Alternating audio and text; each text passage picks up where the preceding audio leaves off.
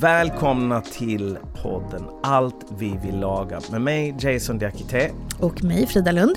Och idag ska vi prata om mat som medicin. Mat är inte bara någonting som vi äter för att njuta av eller få energi av. Det kan också läka oss. Mm. Det kan också ha kvaliteter som, som läker våra kroppar, mm. kort och gott.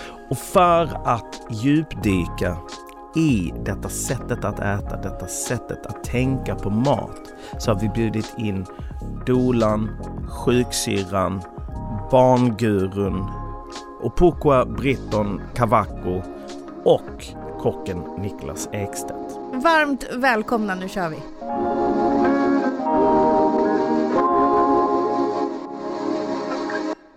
2017 så hade jag precis genomgått ännu en skrapning eh, av ett, eh, vad vi trodde jag och min kära man skulle bli vårt kommande barn. Vi var ett par år in i att försöka skaffa barn och livet var ganska mörkt helt ärligt. Det bestod nästan bara av tanken på att bli gravid, men framförallt kunna behålla graviditeten. Mm. Eh, och ett par dagar efter jag hade skrapat så satt jag på IVF-kliniken som vi gick till eh, i en fåtölj bakom en stor växt. Eh, och framför den här växten så stod det två stycken läkare och pratade. Och de såg inte mig, gissar jag på. Eh, för, att, för du hade satt dig bakom den där stora växten. Jag hade gömt mig bakom stora växten, mm. helt omedvetet.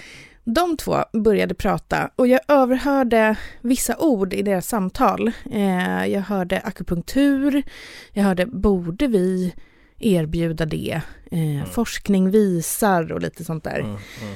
Och jag var medveten om att det fanns andra vägar att gå, att vår västerländska medicin inte kanske var för alla och att det fanns till exempel eh, kinesiska läkare där ute. Men jag hade tänkt så länge att det skulle vara min sista utväg. Mm. Och har jag tappat hoppet så pass mycket att jag inte ska lita på vad liksom min svenska doktor säger. Mm. Men någonting hände i mig när jag satt där. Jag var ledsen och jag kände liksom, jag orkar inte det här en gång till, det har gått flera år. Nu vill jag bara få det här att funka. Så när jag kom hem därifrån så började jag googla på akupunktur och fertilitet. Mm. Och det första som dök upp var en hemsida eh, med en kvinna som heter Dr. Yang. Mm. Eh, kollade vart hon låg och det var mitt i stan. Så jag bara tog telefonen, ringde liksom på en sekund. Så hon svarade, jag berättade lite kort varför jag ringde och så sa hon, jag har en tid redan, imorgon kan du komma. Vad hade du för förväntningar när du sen åkte till Dr. Yang? Nej men, jag var inte så här att jag trodde typ nu kommer jag ha hittat min lösning. Mm. Eh, jag var förväntansfull men också så här... Hmm, skeptisk ja, kanske? Ja, skeptisk precis. Mm. Men jag kom in där i alla fall eh, till hennes mottagning och möttes av en hel vägg av ett arkivskåp med bara små, små, små lådor med kinesiska tecken på som jag inte mm. då visste vad de var men jag skulle sen få veta. Och efter att ha svarat på ett superlångt formulär med frågor Alltså det var, det var allt, allt, mm. allt. Så mm. fick jag sätta mig ner med henne. Och det första jag fick göra var att visa min tunga. Mm. Och hon tittade på den i en och en halv sekund och sen sa hon, du äter inte kött eller hur? Wow. och, och, det stämde? Det stämde. Ja. Jag åt inte kött eh, eh, då. Wow. Så jag sa nej och då sa han okej, okay, men det är en förutsättning för att det här ska funka. Mm. Så måste du börja äta kött. Okay. Och jag vill bara snabbt lägga in en disclaimer att så här, för alla som är veganer och vegetarianer. Alltså det här, det här är min mm. story. Mm. Eh, det som liksom hände behöver inte, jag, jag, vet inte, men jag vill inte att någon ska liksom bli liksom- triggad liksom... eller tro att så här, så här var det i alla fall för mig. Ja. Hon såg din tunga och bara du äter inte kött. Ja, och du, du bara nej det gör jag inte. Nej, men du ska börja äta kött. Eh, och sen så tog hon min puls och så berättade hon att jag hade massa obalans i kroppen. Och då känner hon bara med tummarna eller hur? Ja. På, på dina handleder. Precis. Mm. Men hon var väldigt tydlig med att det här kommer gå. Alltså hon var, hon var liksom glad och pepp deppig och var så här, du, nej men gud, du kommer bli gravid, vänta bara några veckor så ska du få se. Eh, men vi kommer liksom eh, göra ett schema för dig, du ska vara här en gång i veckan på akupunktur eh, och sen så kommer du få örter av mig som du ska koka och dricka. Så att, sagt och gjort, istället för min skepsism som jag hade så vände jag den till att så här, okej, okay, nu ska jag gå all in för det här var dyrt och mm. eh, tidskonsumerande. Mm. Så att nu måste jag tro på det här. Och det gick kanske tre, fyra veckor. Och sen så eh, fick jag ett plus på stickan. Eh, jag var alltså gravid. Mm. Helt då utan IVF och sånt. Mm. Eh, tar det här testet på morgonen och ska till Dr. Young på eftermiddagen. Och när jag kommer dit så säger jag ingenting till henne, utan för hon är alltid så här lite hetsig. Alltså man får så komma in och hon är bara så här, kom och sätt dig liksom. Och så snabbt ner, på liksom med, sin, med handen på min handled. Mm. Och så bara tittar hon på mig och säger, du är gravid. Mm. Utan att jag har sagt det till henne. Hur kunde hon känna det? Då förklarade hon det, för jag var ju så här, men typ Men å andra sidan, hur kan man se på någons tunga att de inte äter kött? ja, det är liksom, precis. Hon är en uppenbar superhjälte. Det kallas för ormpuls, berättade hon. Eh, jag vet det är inte klart om, att det gör det. det what else? Ja. Nej men att den liksom kanske går lite som en orm slingrar, jag vet inte, ja, upp och ja, ner det. på något vis. Hon var i alla fall helt övertygad, eller liksom eh, mm. förklarade det här för mig och så ändrade hon mina örter och sa att liksom nu för att du ska kunna behålla det här barnet eftersom mm. du har obalans i kroppen så kommer jag eh, växla upp liksom din, ditt ört som du håller på och dricker. Mm. Eh, och sen så gick jag där i kanske fem, de 15 första veckorna av mm. graviditeten. Ja. Och när jag hade varit på mitt första tidiga ultraljud och kom till henne eh, utan att jag hade sagt något då heller, så sa hon, nu känner jag två hjärtan i din kropp, när hon tog min wow. puls. Och då, alltså det var verkligen, wow. jag bara bröt ihop ja. och kände så här, nej men herregud. Och min bild av österländsk medicin mm. är liksom för evigt förändrad efter det. Mm. Jag drack min benmärgsbuljong, mm. jag käkade kött, mm. jag gjorde allt hon sa och nio månader senare så kom min son. Mm. Och det var verkligen första gången jag upplevt mat eller liksom örter eller dryck eller någonting som jag liksom stoppar i, dig stoppar i mig ja. som är helande och läkande. Och det mm. var så otroligt jävla häftigt. Det finns ju någonting i det att västerländsk medicin har kanske 150-200 år på nacken, låt säga. Mm. Eh, medans kinesisk läkekonst har eh, flera tusen år ja. på nacken.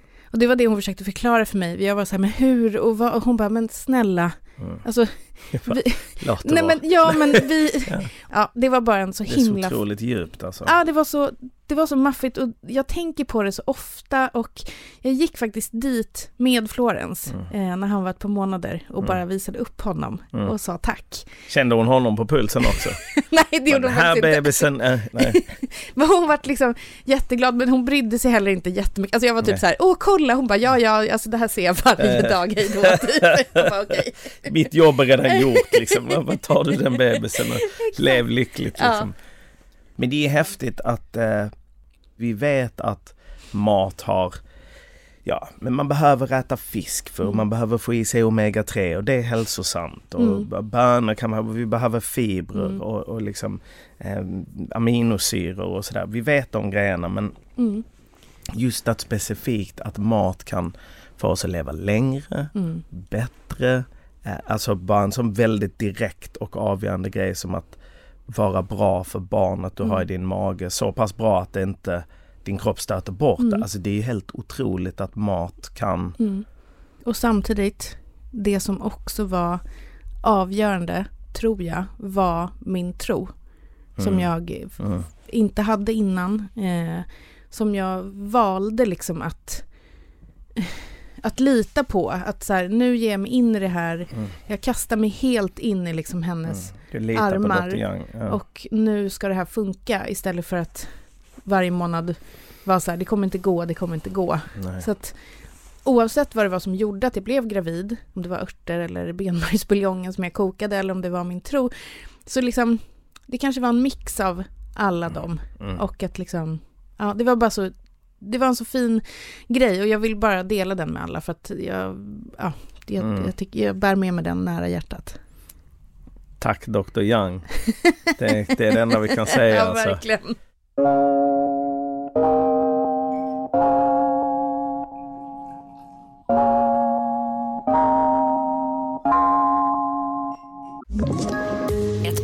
Poddtips från Podplay. I podden Något Kaiko garanterar östgötarna Brutti och jag, Davva, dig en stor dos skratt. Där följer jag pladask för köttätandet igen. Man är lite som en jävla vampyr. Man har fått lite blodsmak och då måste man ha mer. Udda spaningar, fängslande anekdoter och en och annan arg rant. Jag måste ha mitt kaffe på morgonen för annars är jag ingen trevlig människa. Då är du ingen trevlig människa, punkt. Något Kaiko, hör du på Podplay. Därför är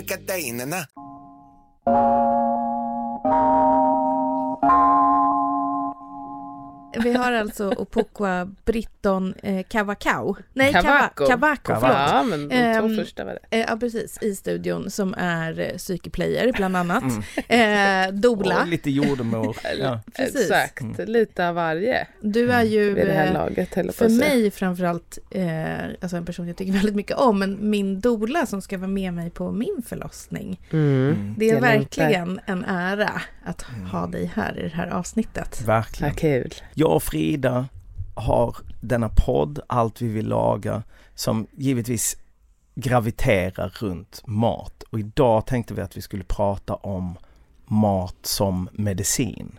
Eller så att säga välgörande, helbrägdagörande, liksom saker som mat kan, kan ge dig. Men till och med mat som kan läka dig. Jag tänker på något som jag alltid har i mitt hem. Något som jag alltid går till om jag börjar känna mig lite sjuk är ingefära. Mm. Exempelvis. Sen vet inte jag exakt vad, jag har liksom inte läst på så mycket men det är någon slags word of mouth skickat ner från min mamma och pappa som bara, ja men ingefära. Mm. Om du är sjuk, massa ingefära. Mm. Men jag tänker att naturen är full av saker vi kan äta som kanske till och med är goda men som kan läka oss. Så är det ju och jag tänker att det är klart att det finns säkert massa ämnen i ingefära som hjälper med olika saker men jag tror den stora grejen egentligen det är att du förknippar ingefära med någonting som gör gott Exakt. och då kommer det också göra gott. Mm. Man förringar lite den här placeboeffekten att det är som Mm. att placebo på låtsas men Mm. placebo är verkligen på riktigt. Mm. Tror du att det gör gott, då gör det ju oftast också gott.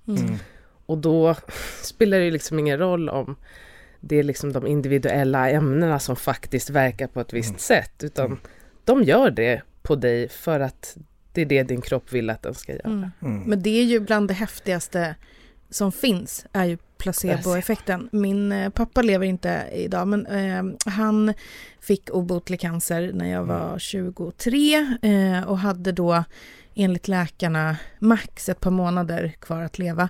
Han var då, eh, kallades på liksom sjukhuset, de kallade honom för kämparnas konung, för han var så himla positiv hela tiden.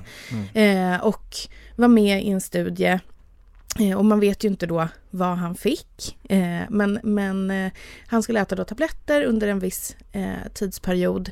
Och tumören stannade liksom av att växa Mm. under den tiden. Eh, och så levde han i ett och ett halvt år istället för bara några månader.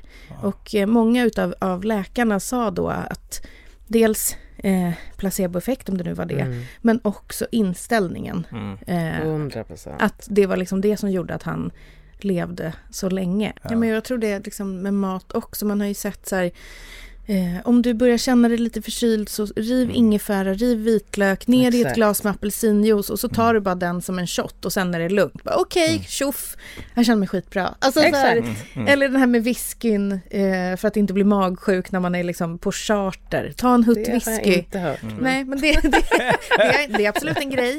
Eh, så ska man slippa det. det. Det finns så himla många sådana här, jag tycker det verkligen är häftigt. Men, men du har ju em, en postpartum matkasse bland annat. Det har jag. Men vad, berätta, postpartum, det är då...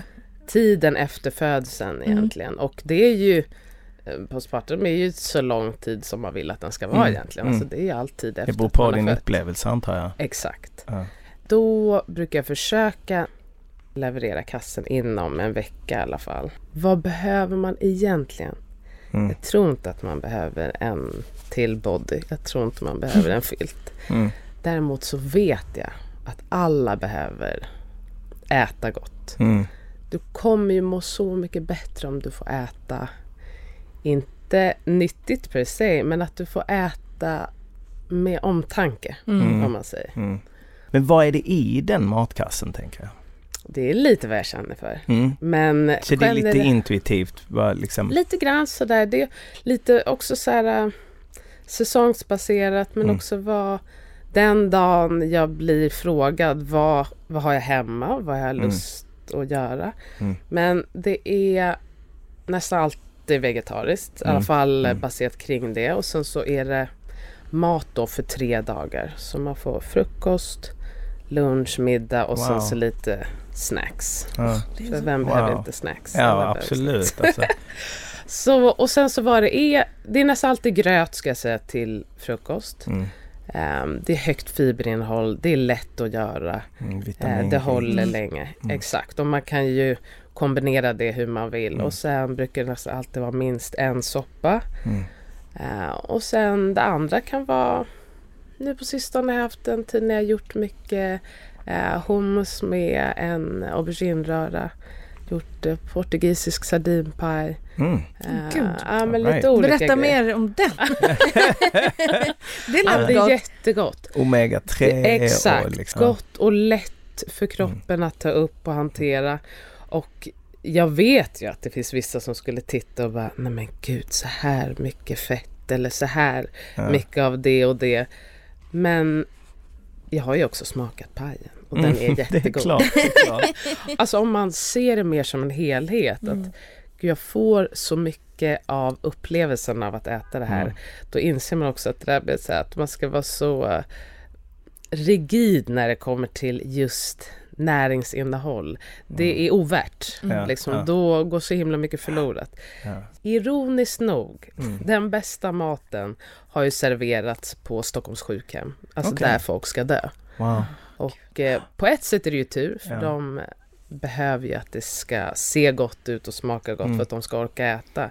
Mm. Samtidigt som jag kan tycka att så här, men gud när jag jobbar på en infektionsavdelning där på många sätt skulle verkligen hjälpa och vara nästan avgörande för folk att äta mat som är läkande för sår till exempel istället för att ge dem en näringsdryck där det står bra för sårvård. Mm. Mm. Det hade ju gjort en hel del men Mm. istället så mikrar jag den här maten som jag sen måste vända upp och ner så att allting bara splashas runt Mm. på ett tallrik. Vem, Det finns ingen kärlek i nej, det. och vem ska bli bättre av det? Alltså jag var så här, Du snackade om ehm, att det fanns mat som var sårläkande eller läkande för Mm. sår. Vad, eh, kan du då ge kan man väl exempel? säga, jag är inte någon expert men generellt sett brukar man ju prata om, eh, det brukar vara proteiner framför allt. Mm. Och om man ger, det är liksom inget man får lära sig i sjuksköterskeskolan eller Mm. något men Mm. det kommer jag ihåg just från infektionsavdelningen för jag älskar ju sår. Jag kommer ihåg, Det var ju någon gång något företag som kom och bara sa ja men nu har vi alla de här äh, näringsdryckerna och så, så nämnde de bara och det här kan vara bra för sår. Okej. Och då hade det ett högt proteininnehåll och några Okej. särskilda proteiner så tänkte man att det skulle vara bra. Ja. Men annars så har man jättelite, alltså man går ju ändå i skolan, tre år sjuksköterskeskolan och kost är alltså ingenting Nej. mer eller mindre. Eh, och då kan ju vissa säga, men vadå, vi kommer ju inte laga någon mat eller liksom något sånt där. Men om Mm. man skulle veta kanske lite mer eller lägga lite mer krut på. Mm. Man fick ju lära sig hur man matar Mm. på ett liksom trevligt sätt. Och det Mm. är ju, är ju bra det. Mm. Men det är så, med så små medel Mm. hade man kunnat komma väldigt långt. Jag tänker till exempel på den här, på tal om födslar, efter man har fött, när man får den här förlossningsbrickan. Mm. Mm. Då är det ju så många som blir så himla glada. Och Mm. egentligen är det ju bara ost och skinkmackor och Exakt, det är liksom exakt. inget mer. Mm. Men de gör såna här kringelkrokiga gurkor Mm. och, Mm, mm. och de gör det fint. Och Mm. det är ju det som gör att man bara kärlek. Nej men gud vad Mm. trevligt och jag vet att det här betyder att nu är jag färdig, jag har Mm. gjort något bra. Mm. Det har ju inte något högt näringsinnehåll, herregud. Det är Nej. kall, kalla mackor.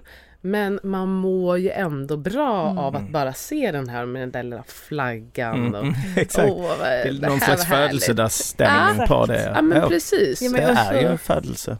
Men eh, fantastiskt att du ville vara här. Så Eh, roligt det, känns, det är Ja. varenda person vi pratar med bara så här, måste det ta slut? Exakt. Men det måste Och ju Koppa, det. tack så mycket för att du kom hit. Återigen har vi haft ett samtal där vi inser att man, sk- det finns så mycket att säga. Ja. Det behöver inte vara det som har högst näringsinnehåll som nödvändigtvis är bäst för dig utan det är det som Exakt. ger dig mest pleasure helt enkelt. Exakt. Ehm, Kombinera de två grejerna. Mm. Ett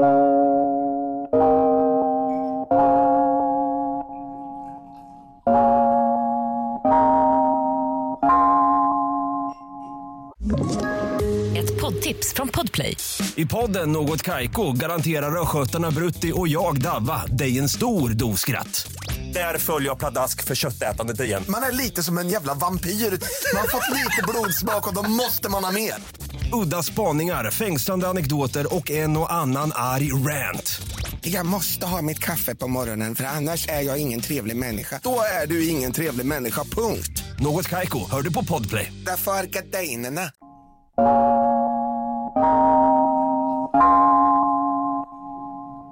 Niklas Ekstedt, Ja. stjärnkock, eh, matvetare, matpionjär.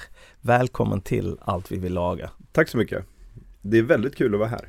Mm, Vi, mm, vi är skitglada att ha dig här. Ja, Verkligen.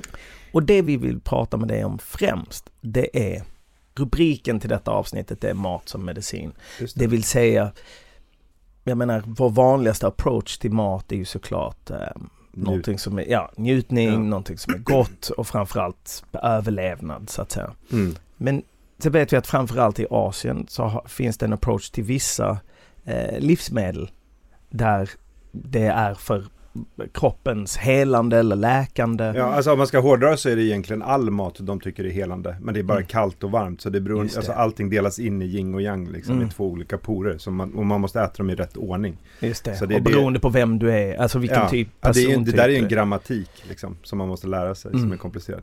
Men, nej, men det, det som är så spännande med det här ämnet, det är ju det att det finns ju ingenting som får folk att gå igång så mycket som det här. Alltså Mm. folk blir Mm. så provocerade. Ja, ja men Mm. det är verkligen så i Och- Sverige. ja. Att vi liksom, nej, vi tror inte på det där. Nej, och det är också så här att man kan ju, man, man eh, så fort man säger så här, ja men det där är, det är väldigt bra och nyttigt. Vet du, det- vet du det? Är du helt...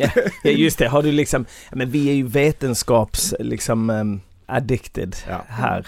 Ja. Eh, alltså tro är ju ganska mycket försvunnet, det här lite kanske skrockfulla, lite övernaturliga. Ja, Att säga att ja, men det här är väldigt bra för bla bla bla. Har man inte vetenskapligt belägg så flyger inte det. Nej, och men det är det som är det stora problemet med matlagning eller matsammanställningen i, liksom, i västvärlden och, och länder som Sverige är ju det att egentligen så hade man en kulturell tillhörighet och en förståelse för mat och hur det hängde ihop. Någonting som man hade tagit fram genom liksom århundraden och som var en fungerande recept för Mm. välmåendet av liksom Mm. människorna på just den delen av planeten man levde i. Och sen Mm. så bröt man ju det mönstret med liksom Mm. globaliseringen och, och de här eh, starka moderna industriella matlagningsteknikerna. Jag brukar liksom, man, man tänker sig som pizzan till exempel, italienarna är ju helt hopplösa också, de är nästan värst på något sätt. Liksom. För de tror ju, de tror ju på något sätt Men de har ju olivoljan. Ja absolut, Alltså, den är liksom- ju jättebra. Ja. Den är superbra. Men, men de tror ju också väldigt mycket på saker, att det alltid har varit så. Att till exempel Mm. som pizzan, den eh, napoleanska pizzan, Mm. den är ju en moderniserad fabrikprodukt. Som Okej. man idag har så EU-klassificerat som Mm. någonting, slags, äh, som någonting Som gammalt. ett eh, och, som, världsarv på något sätt. vilket Ja. det inte är. Därför Wow. att det är burktomater som är tvungna att ha aluminium, som är tvungna att ha en industri bakom. Pizzan har ju ett raffinerat mjöl, Mm. alltså inte ett gammalt vetemjöl. Vetemjölsorten är inte ett korsat litet vete utan ett modernt eh, supervete. Och, eh, och man använder ju en ost som, an, som har eh, buffaloost som, eh, som innehåller mycket antibiotika, vilket man inte hade Mm. förr i tiden. Mm. Så då har man, och sen så har man så här, ja nå- någon gång på 50-talet bara, nej men det här, så här har vi alltid ätit. Bara, nej vänta lite, det har ni inte alls det. Fan vilken Och sen- luring! Och Ja, är Ja. får man någon, någon, liksom, någon att sätta någon slags EU-stämpel på det där och tro att det Mm. där liksom är matkultur. Mm. Och det, det är det där som är liksom, ja. Det är ganska intressant med olivoljan. Mm. Att eh, jag pratar med lite folk som eh, italienare som kom hit på 60-talet och berättar att eh, liksom, olivoljan var redan då i Italien det man använde liksom. Mm. På sina grönsaker, eh, när man värmde upp sin mat, alltså Mm. när man stekte eller lagade maten. Men här i Sverige såldes det i små, små flaskor på apoteket. Okej. Det- Så att- Det är helt galet om man tittar nu hur man bara öser allting. Precis, och då måste, ju, då måste ju någonstans man haft approachen här uppe att det här är mycket mer eh, en medicin än, Mm. än, än Ja. ett livsmedel. Ja. Man sålde, det gör man ju fortfarande, Mm. säljer ju apoteket även senap, vilket är Ja, och konstigt. för saffran. Saffran också. Ja. Mm. Men, eh, men, det, det, men olivoljan är ju fantastiskt spännande Mm. eh, ur så många olika saker. Dels så var det ju den första varan som verkligen eh, hade ett stort värde i, i romarriket och man flyttade ju runt den och man, de här gamla odlingarna, det finns otroligt mycket historia och tradition i det. Och sen så är det också, det det med medelhavskosten är ju den, att den är ju den kosten som nästan alla forskare är, eniga om att, det, Mm. att den är liksom den mest hälsosamma. Men vad är, vad är medelhavskost om du skulle koka ner det? Alltså den är ju bred såklart och det, det är ju ett, det är ett vitt begrepp sådär. Mm. Men jag kan säga, man, man kan säga vad, vad den inte är, Mm. skulle man kunna säga istället. Det är som många in, som missuppfattar med det som man traditionellt kallar för medelhavskost och den som det forskas i. Alltså den är nästan helt vegetarisk. Mm. Själva köttet kom in ganska sent i, liksom, i medelhavskosten. Så när man ser liksom, i Aftonbladet, bara medelhavskosten eh, lever ut 30 år längre. Den, det, är egentligen, det egentligen skulle stå vegetarisk kost får dig att Mm. leva längre. Ja. Men om man hårdrar det så tar man ju bort liksom, vissa fetter mot olivolja just. Mm. Eh, och sen att man inte hettar upp olivoljan utan man äter då den bara pressad. För att upphettad olja förlorar den ju väldigt mycket näringsämnen och så. Men den blir inte skadlig av upphettningen? Den blir inte skadlig men den blir inte heller hälsosam. Det, hälso... Nej, Nej, Aspekten försvinner. Men man är- kör ju en ful olivolja när man steker och Ja. sen en Ja. bättre olivolja Men vad är grejen på. med att, man, Det är bra. att det är liksom så här, man ska inte steka olivolja, kommer ni ihåg att det har varit så? Mm. Mm. Vad är det om? Men det är väl bara att det är ganska onödigt. Att det Mm. liksom inte finner någon Det är så dyr, effekt. eller liksom ja. fin produkt så Ja. att du, Ja. du liksom vaskar den på Ja, något sätt. exakt. Mm. Så Jag du kan bara använda vanlig, det. exakt. Jag tänker att det finns två, vad ska man säga, spår här som Mm. jag vill fråga dig om. Dels är det ju såklart specifika livsmedel och också specifika platser som du har eh, skrivit om Mm. eh, och så att säga forskat i eh, där folk lever längre och så vidare.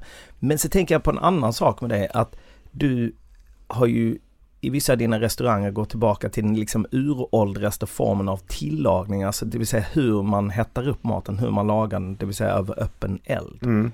Har, finns det någonting där som är eh, naturligare för människan tror du? Mm.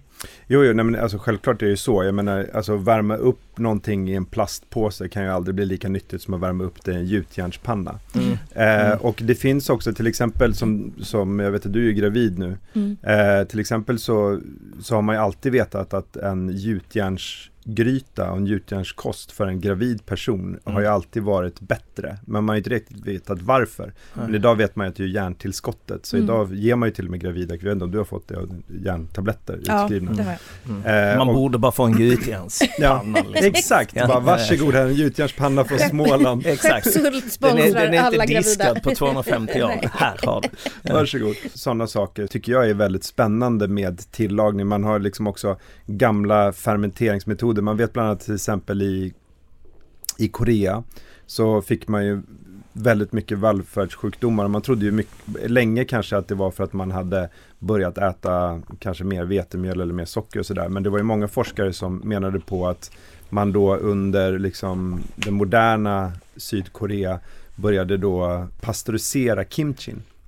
Så man hade då under, väl, under liksom hela Koreas historia hade man ju käkat liksom surkål liksom med en Opastöriserad. Men sen då när, när kvinnorna började jobba och det, man började handla mat i dagligvaruhandel och så, då började ju butikerna pastörisera kimchin och då förändrades liksom hela jävla landets magbakteria Wow. till det sämre Mm. och man fick ju då en annan folksjukdom. Så det är när man går från liksom ett, ett gammalt sätt att göra det till ett modernt sätt så, så kommer det ha konsekvenser. En Och- annan fermenterad produkt som ändå är genomgående i hela eh, ja, Sydostasien och, och större delen av östra Asien är soja. Mm. Och det, Eh. so, sojan görs ju på, på, på olika sätt och finns ju i massvis olika kval, kvaliteter och liksom sorter och sånt. Men den är också fantastisk därför att sojasåsen är ju där för att eh, salt är ju dyrt och salt är ju ohälsosamt. Men om du använder sojasås så får du ju en hörre, äh, hörre, vad var det? Det är ett morgon. Hörru! Ett större skulle jag säga. Ja, ja, ja, Fan vad det var. Eh, större eh, salteffekt och umami-effekt. Ja. Så det är egentligen ett sätt som man kan eh, tillsätta mer smak utan att använda massa salt. Mm. Och det är likadant med kryddor också. Eh, även om vi liksom i Norden sådär har det ju alltid varit dyrt med väldigt mycket kryddor. Så i södra Europa och framförallt Sydamerika och Asien så har ju kryddorna varit ett sätt att inte behöva salta och sockra lika mycket. Så du Mm. får ju mer smak utan att använda ganska onyttiga saker. Mm. Jag kommer ihåg bara skillnaden på Okinawa och eh, Glasgow Mm. i medellivslängd bland män. Och att det var så här förvånansvärt lågt i Glasgow, typ 45. Men att Okinawa är en av ställena eh, på jorden där folk lever längst och där Mm. medellivslängden var 89, Men den är hotad där. Är den det? Ja. De börjat äta dålig mat. Ja, alltså Okinawa har ju en spännande historia. Om man tittar på kartan så måste man nästan också liksom förstå lite grann var det ligger någonstans. Mm. För att det är ju en japansk ö, men den ligger otroligt långt söderut. Mm. Så det är ju en liksom tropisk ö, så att det är ju väldigt mycket tropisk frukt och det är, liksom, det är en annan diet och annan kost Mm. där än Mm. i, i resterande Japan. Och sen så har de ju någonting som är ganska spännande, för, för man tror ju liksom att det är en ö, att de kommer att äta en jäkla massa fisk, men det gör de inte så mycket. Mhm. Utan de har mycket så här, mycket mer blandad kost. Eh, och sen så var det ju då också extremt hårt drabbat under andra världskriget. Mm. Jag vet inte om det stämmer, men de säger att hela ön flyttades geografiskt för att den blev så hårt bombad av amerikanerna. Wow. Ja. Eh, och, eh, och, och massvis med folk som dog och s- Det starkt säger jag som svensk. Har de bevis för det? Jag känner också sånt. Jag att tror inte på det. Flyttan ö, nej, det det där inte, måste jag nej. se fakta på alltså. Det Don't, låter... don't kill a good story Nej, facts. exakt, Exakt. exakt. Men eh, den ligger enormt vackert liksom. Du har Eh, varit där? Jag har varit där, ja, jag har varit där två gånger. Eh, och den, den Var det medan du researchade till, till din bok? Första gången jag var där, då hade jag ingen aning om att den verk, om varken historien eller om, utan då var vi i Japan och ville surfa. Mm. Och då sa alla så här, ja men då måste ni åka till Okinawa för det är bäst surf. Och då kom jag Mm. dit och bara älskade ön. Och det var egentligen där mitt intresse för de, de här blå zonerna och eh, att mat har en helande och en positiv effekt. För det innan jag fattade att människorna blev typ 120 år gamla och mådde skitbra Mm. så, så var det asgod mat. Mm. Mm. Så jag gick runt hela varenda dag liksom bara så här, jävlar vad gott, jävlar vad gott. Och sen så var- får man också så här, och den är nyttig. Och då Mm. tänker man så här, bara, nej men det här, för jag har ju alltid tänkt att god mat är onyttig. Ja, Förstår så du? Tror jag Ja, väl, så Ja. tror jag nästan alla tänker. Att Ja, Allt måste vara lite onyttigt för att det ska vara väldigt gott. Ja. exakt. Mm. Och, och, då började, och då började jag ju, kom jag i kontakt med det här som heter blå zonerna i världen då. Mm. Och det är National Geographics forskning kring longevity Mm. och långt Och vilka levande. har vi förutom Okinawa, vilka blå zoner har vi i världen? Eh, ja, nu har det ju kommit till fler. Mm. Eh, och man forskar ju väldigt, och, och vissa är ju hotade och sådär. Mm. Eh, men Okinawa är ju helt klart eh, den kändaste. Och Mm. sen har man ju en kontroversiell eh, zon just nu och det är ju Loma Linda i, ehm, ehm, utanför Los Angeles. Mhm. Oh, wow, Ja. all right. Det är Typ liksom en mikrozon. Liksom. ja, det är liksom en, det, det är en stadsdel liksom i Los Angeles. Och jag, ibland undrar jag lite grann om den kanske är ditritad för National Geographic ska sälja fler tidningar. för att de måste ha Du en måste ha något på hemmaplan liksom. Ja. Exakt. Finns Ja. det inte i USA, då finns det inte riktigt. Nej, exakt, men exakt så är det. Det blir liksom inte, det blir inte, det blir inte på riktigt. Nej, Nej. nej, nej, så kan det ju vara. Eh, och, eh, men ehm, de är väldigt kristna där eh, och ehm, de håller sig väldigt religiösa och sådär. Mm. Eh, så det kan vara en av anledningarna man lever. Och tro är ju, för, har jag ju förstått mer och mer, är ju en viktig del av det här. Mm. Och, och religiösa människor, och det här är ju någonting som provocerar svenskar jättemycket. Mm. Och det är att eh, folk som har en stark tro lever längre. Och Men jag det- tror en grej som kanske är, är, är liksom mer eh, signifikativ för, skulle jag säga, ett, alltså, svensk kultur jämfört med en väldigt kristen eh, kultur som till exempel den, eh, det området utanför LA, Mm. är ju att ensamhet, tänker jag, dödar i Mm. längden. Mm. Alltså det- att ensamma människor inte lever lika lång, länge, eller människor som Nej. känner sig ensamma. Ja. Medan gemenskap då, som du kan till exempel Mm. få genom en kyrka, Ja. eller om du bor i en liten by, det, jag vet inte, bara ger dig fler anledningar att skratta, att leva, Ja. att ingå i någonting, ett tillsammanskap med folk. Men det Men det tycker jag var så ja. fint i er bok, Mm. att så här kontentan, förutom då att det var nyttig mat och allting, var ju att man samlades många runt borden, att man Mm. åt tillsammans med Mm. liksom sitt så här grannlag, sin stora familj. Det var inte bara så här jag, min man och min son varje dag, utan liksom alla var bjudna. Mm. Jag tycker det blev, för mig blev det så här wow, det här vill jag liksom appellera på min egna eh, liksom, lilla värld. Mm. Det var väldigt fint. Ja, den finaste platsen av de här blåzonerna, det tycker jag, om man ska uppleva det och som är Mm. ganska nära för oss, så är Ikaria i, i Grekland. Mm. Mm. Ikaria är en superspännande ö rent politiskt. Mm. Därför att efter andra världskriget så ville man ju återinföra monarkin i Grekland då. Mm. Och då hade man ju en ganska stark, som man hade överallt i Europa, en stark kommunistisk rörelse. Enligt då Ikarias sägen, och den stämmer nog till viss del tror jag, eh, att de bara samlade ihop de här kommunisterna på en båt och så skickade de den till en, en, en ö, liksom i stort sett liksom väldigt glesbefolkad ö, Mm. liksom, Mm. ganska, och så släppte de av allihopa Här där. Här kan ni bo, medan vi liksom sätter Wow. kungen eh, till makt. Mm. Och då byggde de upp sitt eget lilla samhälle i samhället liksom. Mm. Eh, och den här ön har ju då inte fått liksom Marshallhjälpen eller bidrag senare av EU och sådär, utan den har liksom klarat sig ganska Mm. själv. Så hela jordbruket är ju kvar så som det var förr. Vinerna är naturliga, olivoljan pressas fortfarande i stenar. Mm. Eh, de hatar klockor på ön, Mm. så man får inte, man, ingen Ikariabo har en klocka på armen. Men skiljer sig kosten Ja, från resten av Grekland? exakt. Första matvarubutiken öppnades 2007. Wow. Är det Så, sant? ja, så innan dess så var det bara rent byteshandel på ön. Man fick liksom åka och hämta lite getter där och liksom Ja. lite Och sen så äter de ju väldigt mycket vilt. Så Mm. rena receptet från Noma skulle, det är ju hans liksom Ja. våta dröm den här ön. För varenda så här sallad man får är ju liksom tio olika kryddor från ön så här inblandade i salladen och så. Ja. Mhm. Eh, och egentligen att, vill äter man ju mindre inte kött då, antar jag? de äter ju mindre kött såklart, för de slaktar. Men vi var ju där på en sån här stor ehm, slaktfest. Då Mm. var det mycket kött. För Mm. då slaktade det typ som att man gjorde i Sverige på, Mm. till jul ungefär. Man slaktade två getter och så hade hela byn en stor fest. Sådär. Mm. Mm.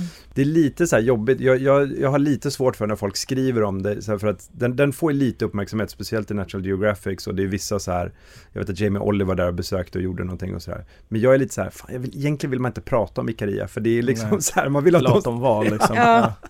Kommer det är in och så- sabba det här nu. Exakt, Nej. för det är ju liksom, det är därför de är som de är och därför Mm. ön är så fantastisk är ju för att det inte är någon där. Nej. Men i, i ditt arbete med att titta på och skriva om eh, och lära dig om de här blå zonerna. Mm. Vilka är de, liksom, vilka är de röda trådarna? Som, jag antar att man äter väldigt olika liksom, saker. Exakt, och det är det som är så spännande. Att Mm. du kan liksom inte hänga upp dig på liksom en just diet, att äta Mm. det där och äta det här liksom. Mm. Men, det, alltså, men det, det finns ju en stark gemensam Mm. nämnare och det är att de inte har raffinerat socker. Mhm. Just det.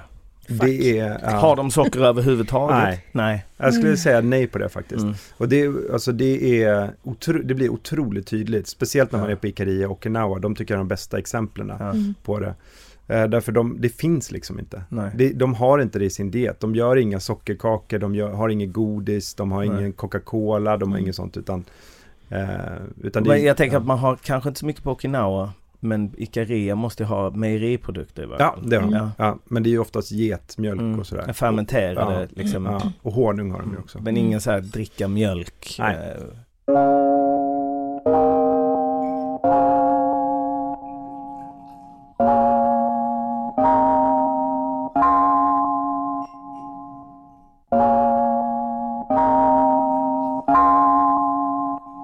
Och sen så finns det ju en sak till som jag tycker är otroligt spännande och det är bordsbönen. Okej. Eh, och eh, bordsbönen är ju liksom någonting som vi har försvunnit ur vår kultur, men vi hade i vår kultur tidigare. I USA har man ju fortfarande absolut. många, många familjer och sådär. Och det är inte så jävla dumt alltså. Mm. Eh, jag är totalt oreligiös, Mm. men Det behöver inte vara en religiös Nej, bön. men det Nej. kan bara vara liksom 10 sekunder innan måltiden bara Mm. andas Exakt. ut, liksom innan man bara dyker in i Ta in lite maten. tacksamhet. Ta in lite Ja. tacksamhet, Mm. sakta ner, bara liksom Mm. hälla upp vattnet, Mm. lugna ner det innan så man inte liksom lejon in i, i liksom Mm, mm. Eh, antilopen. Det kan man behöva som småbarnsförälder, Mm. tänker Mm. jag. För det är väldigt mycket, alltså dyka rakt ner och tre minuter senare så är Mm. allting över. Ja, Ja, men vi har ju den här, äh, jag, jag tänker på det nu, jag och några vänner har precis gjort en bok om, äh, om köttfärssås. ja jag vet. Och, och äh, liksom, Ja. jag pratade med en äh, italiensk äldre farbror som sa att, äh, ja men som har bott här i mer än 50 år. De sa att det är liksom en kulturell skillnad på djupet mellan Sverige och Italien. Det här i Sverige är det liksom en dygd att maten går snabbt att laga. Att den är liksom effektiv, praktisk, går, går fort att laga Mm. och sen går den också fort att äta.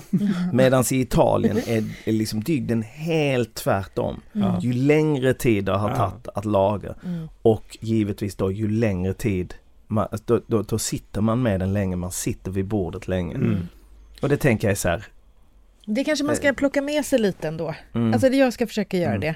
De här tio sekunderna, de Mm, kanske mm. kan ändå betyda någonting Ja. i slutändan. Och kanske gör att man inte heller sen bara öppnar upp, Mm. slevar in och är klar. Utan då kanske man faktiskt lägger ner besticken Mm. efter någon Det tugga. är som att vi ska göra annat. Så Ja. att vi liksom hinner inte. Ja. Nej. Vi ser, alltså maten är ingen central del. Mm. Så vi ska göra annat men då missar man ju den gemenskapen Ja. av att sitta runt ett Ja. bord då i, Exakt. ja men säg två timmar. Ja. Exakt. Så Men jag kände nu när du berättade om Ikaria, bara usch, blir de inte rastlösa?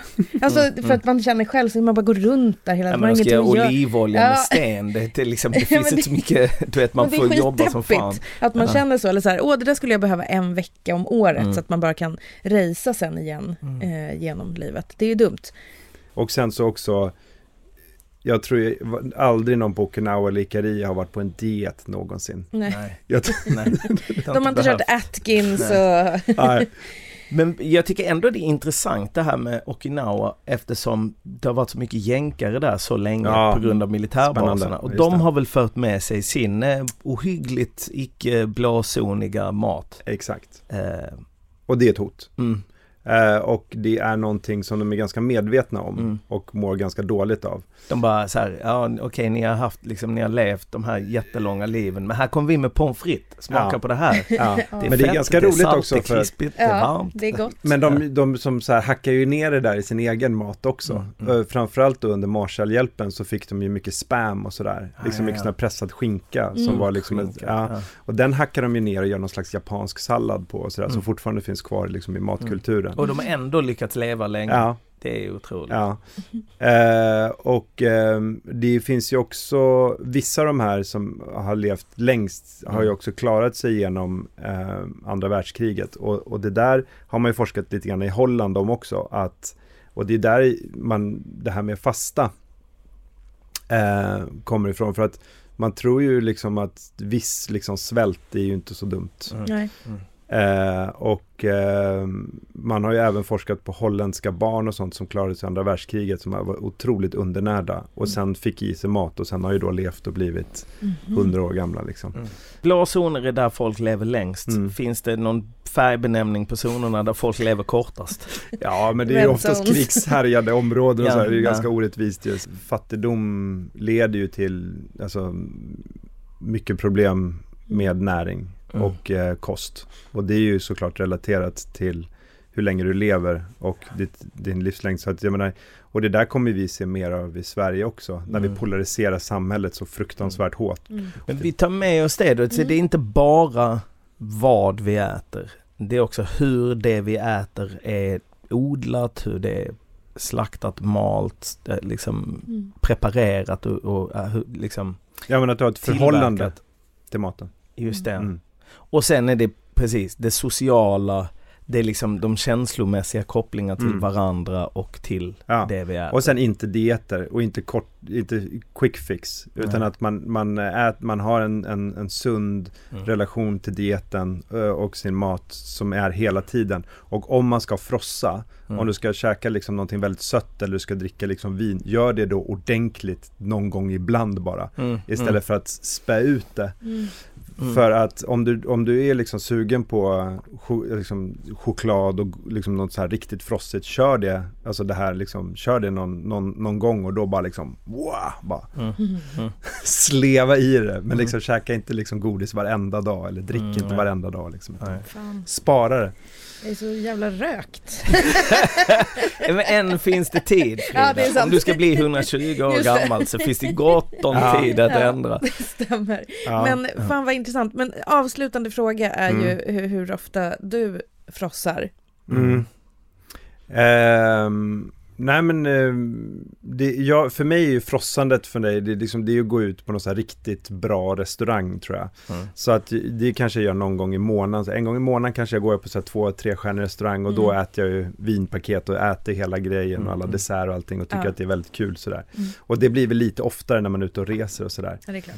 Eh, men eh, jag kände nu efter sommar, det tror jag många gör liksom att det, alltså jag, jag skater mycket, mina, och speciellt mina skatekompisar i London, där är det liksom så här där blir det oftast, alltså de dricker ju så fruktansvärt mycket i England. Mm. Mm. Eh, och det är nästan Även det, till skillnad från Sverige. ja, Ja. ja, man dricker mer, Ja. absolut. Jag, jag, jag, De, de, de dricker ju lite sånt. varje dag tänker jag, medan svenskar mer komprimerade. Så här, nu är det lördag, jag har fått lön, ja, nu ska jag dricka skitmycket. Ja, nej men det är liksom, det finns, alltså det finns inte ett tillfälle i England som inte avslutas på puben. Nej. Utan har man idrottat, då går man Ja. till puben efteråt. Har man jobbat så går man till puben efteråt. Har du avslutat en affär så går man till puben efteråt. Mm. Mm. Och det, det tyckte jag nästan var det svåraste med England. Det är liksom det, är liksom det här, man, ah vad fan. Nej, jag ska nej. inte, det, Nej. idag ska jag inte dricka liksom. Nej. Så, eh, så det är klart i sommar kände jag mig lite så, att det var inte kanske så hälsosam som jag borde vara. Mm. Mm. Men det är okej. Ja, det måste ju få vara Ja. också så att säga. Nej, men kan, man ska inte vara fanatisk. Nej, det ska Nej, man nej, inte. det ska man inte vara. Nej. Men, Men, ja. fan, vad, fan vad fint eh, att eh, vi fick ha dig här. mm. Ja. Det var jättekul för att komma förbi.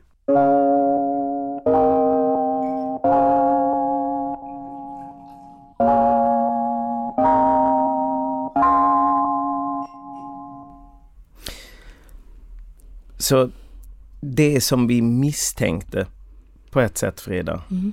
att det är maten och det vi stoppar i oss är bara en av många aspekter i våra liv Mm. eh, som påverkar vårt mående och vår livslängd. Ja. Det är ju det. Ehm, tro, Mm. som både du och Poko var inne på, Mm. Att leva så stressfritt som möjligt. Mm. Ehm, att kanske också förstå sambandet med vad, alltså vad, alltså var det man äter kommer ifrån, var man själv kommer ifrån, någon slags rot, Mm. alltså att vara rotad. Ja, och gemenskapen med Mm. andra. Precis. Jag får så ont i hjärtat när jag tänker på alla som är ensamma där ute. Mm. Vi, Sverige är väl en av världens mest ensamma länder. Absolut. Och det smärtar så mycket. För Mm. att man, det finns ju sällan stunder man njuter så mycket av mat Mm. som när man delar den med andra. Eller hur? Det här på något sätt slår an på något av det allra finaste och viktigaste Mm. med allt vi vill laga.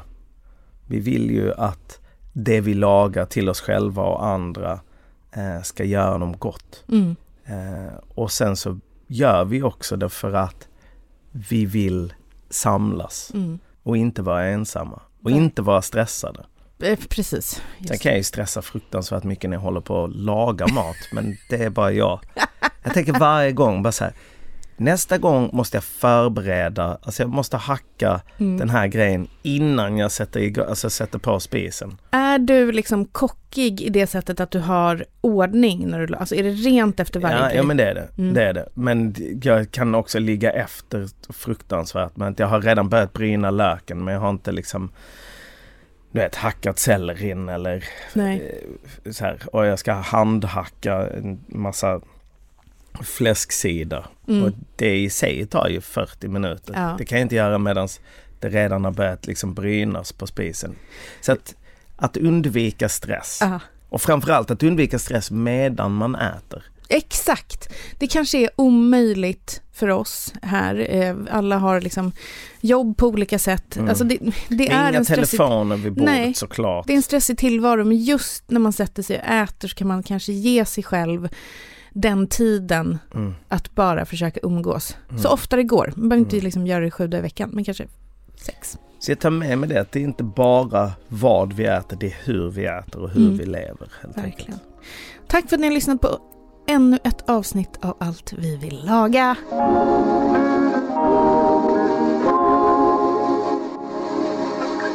Det här är en produktion från Soundtelling. Ett poddtips från Podplay. I fallen jag aldrig glömmer djupdyker Hasse Aro i arbetet bakom några av Sveriges mest uppseendeväckande brottsutredningar. Går vi in med hemlig telefonavlyssning och, och då upplever vi att vi får en total förändring av hans beteende. Vad är det som händer nu? Vem är det som läcker? Och så säger han att jag är kriminell, jag har varit kriminell i hela mitt liv men att mörda ett barn, där går min gräns. Nya säsongen av Fallen jag aldrig glömmer på Podplay.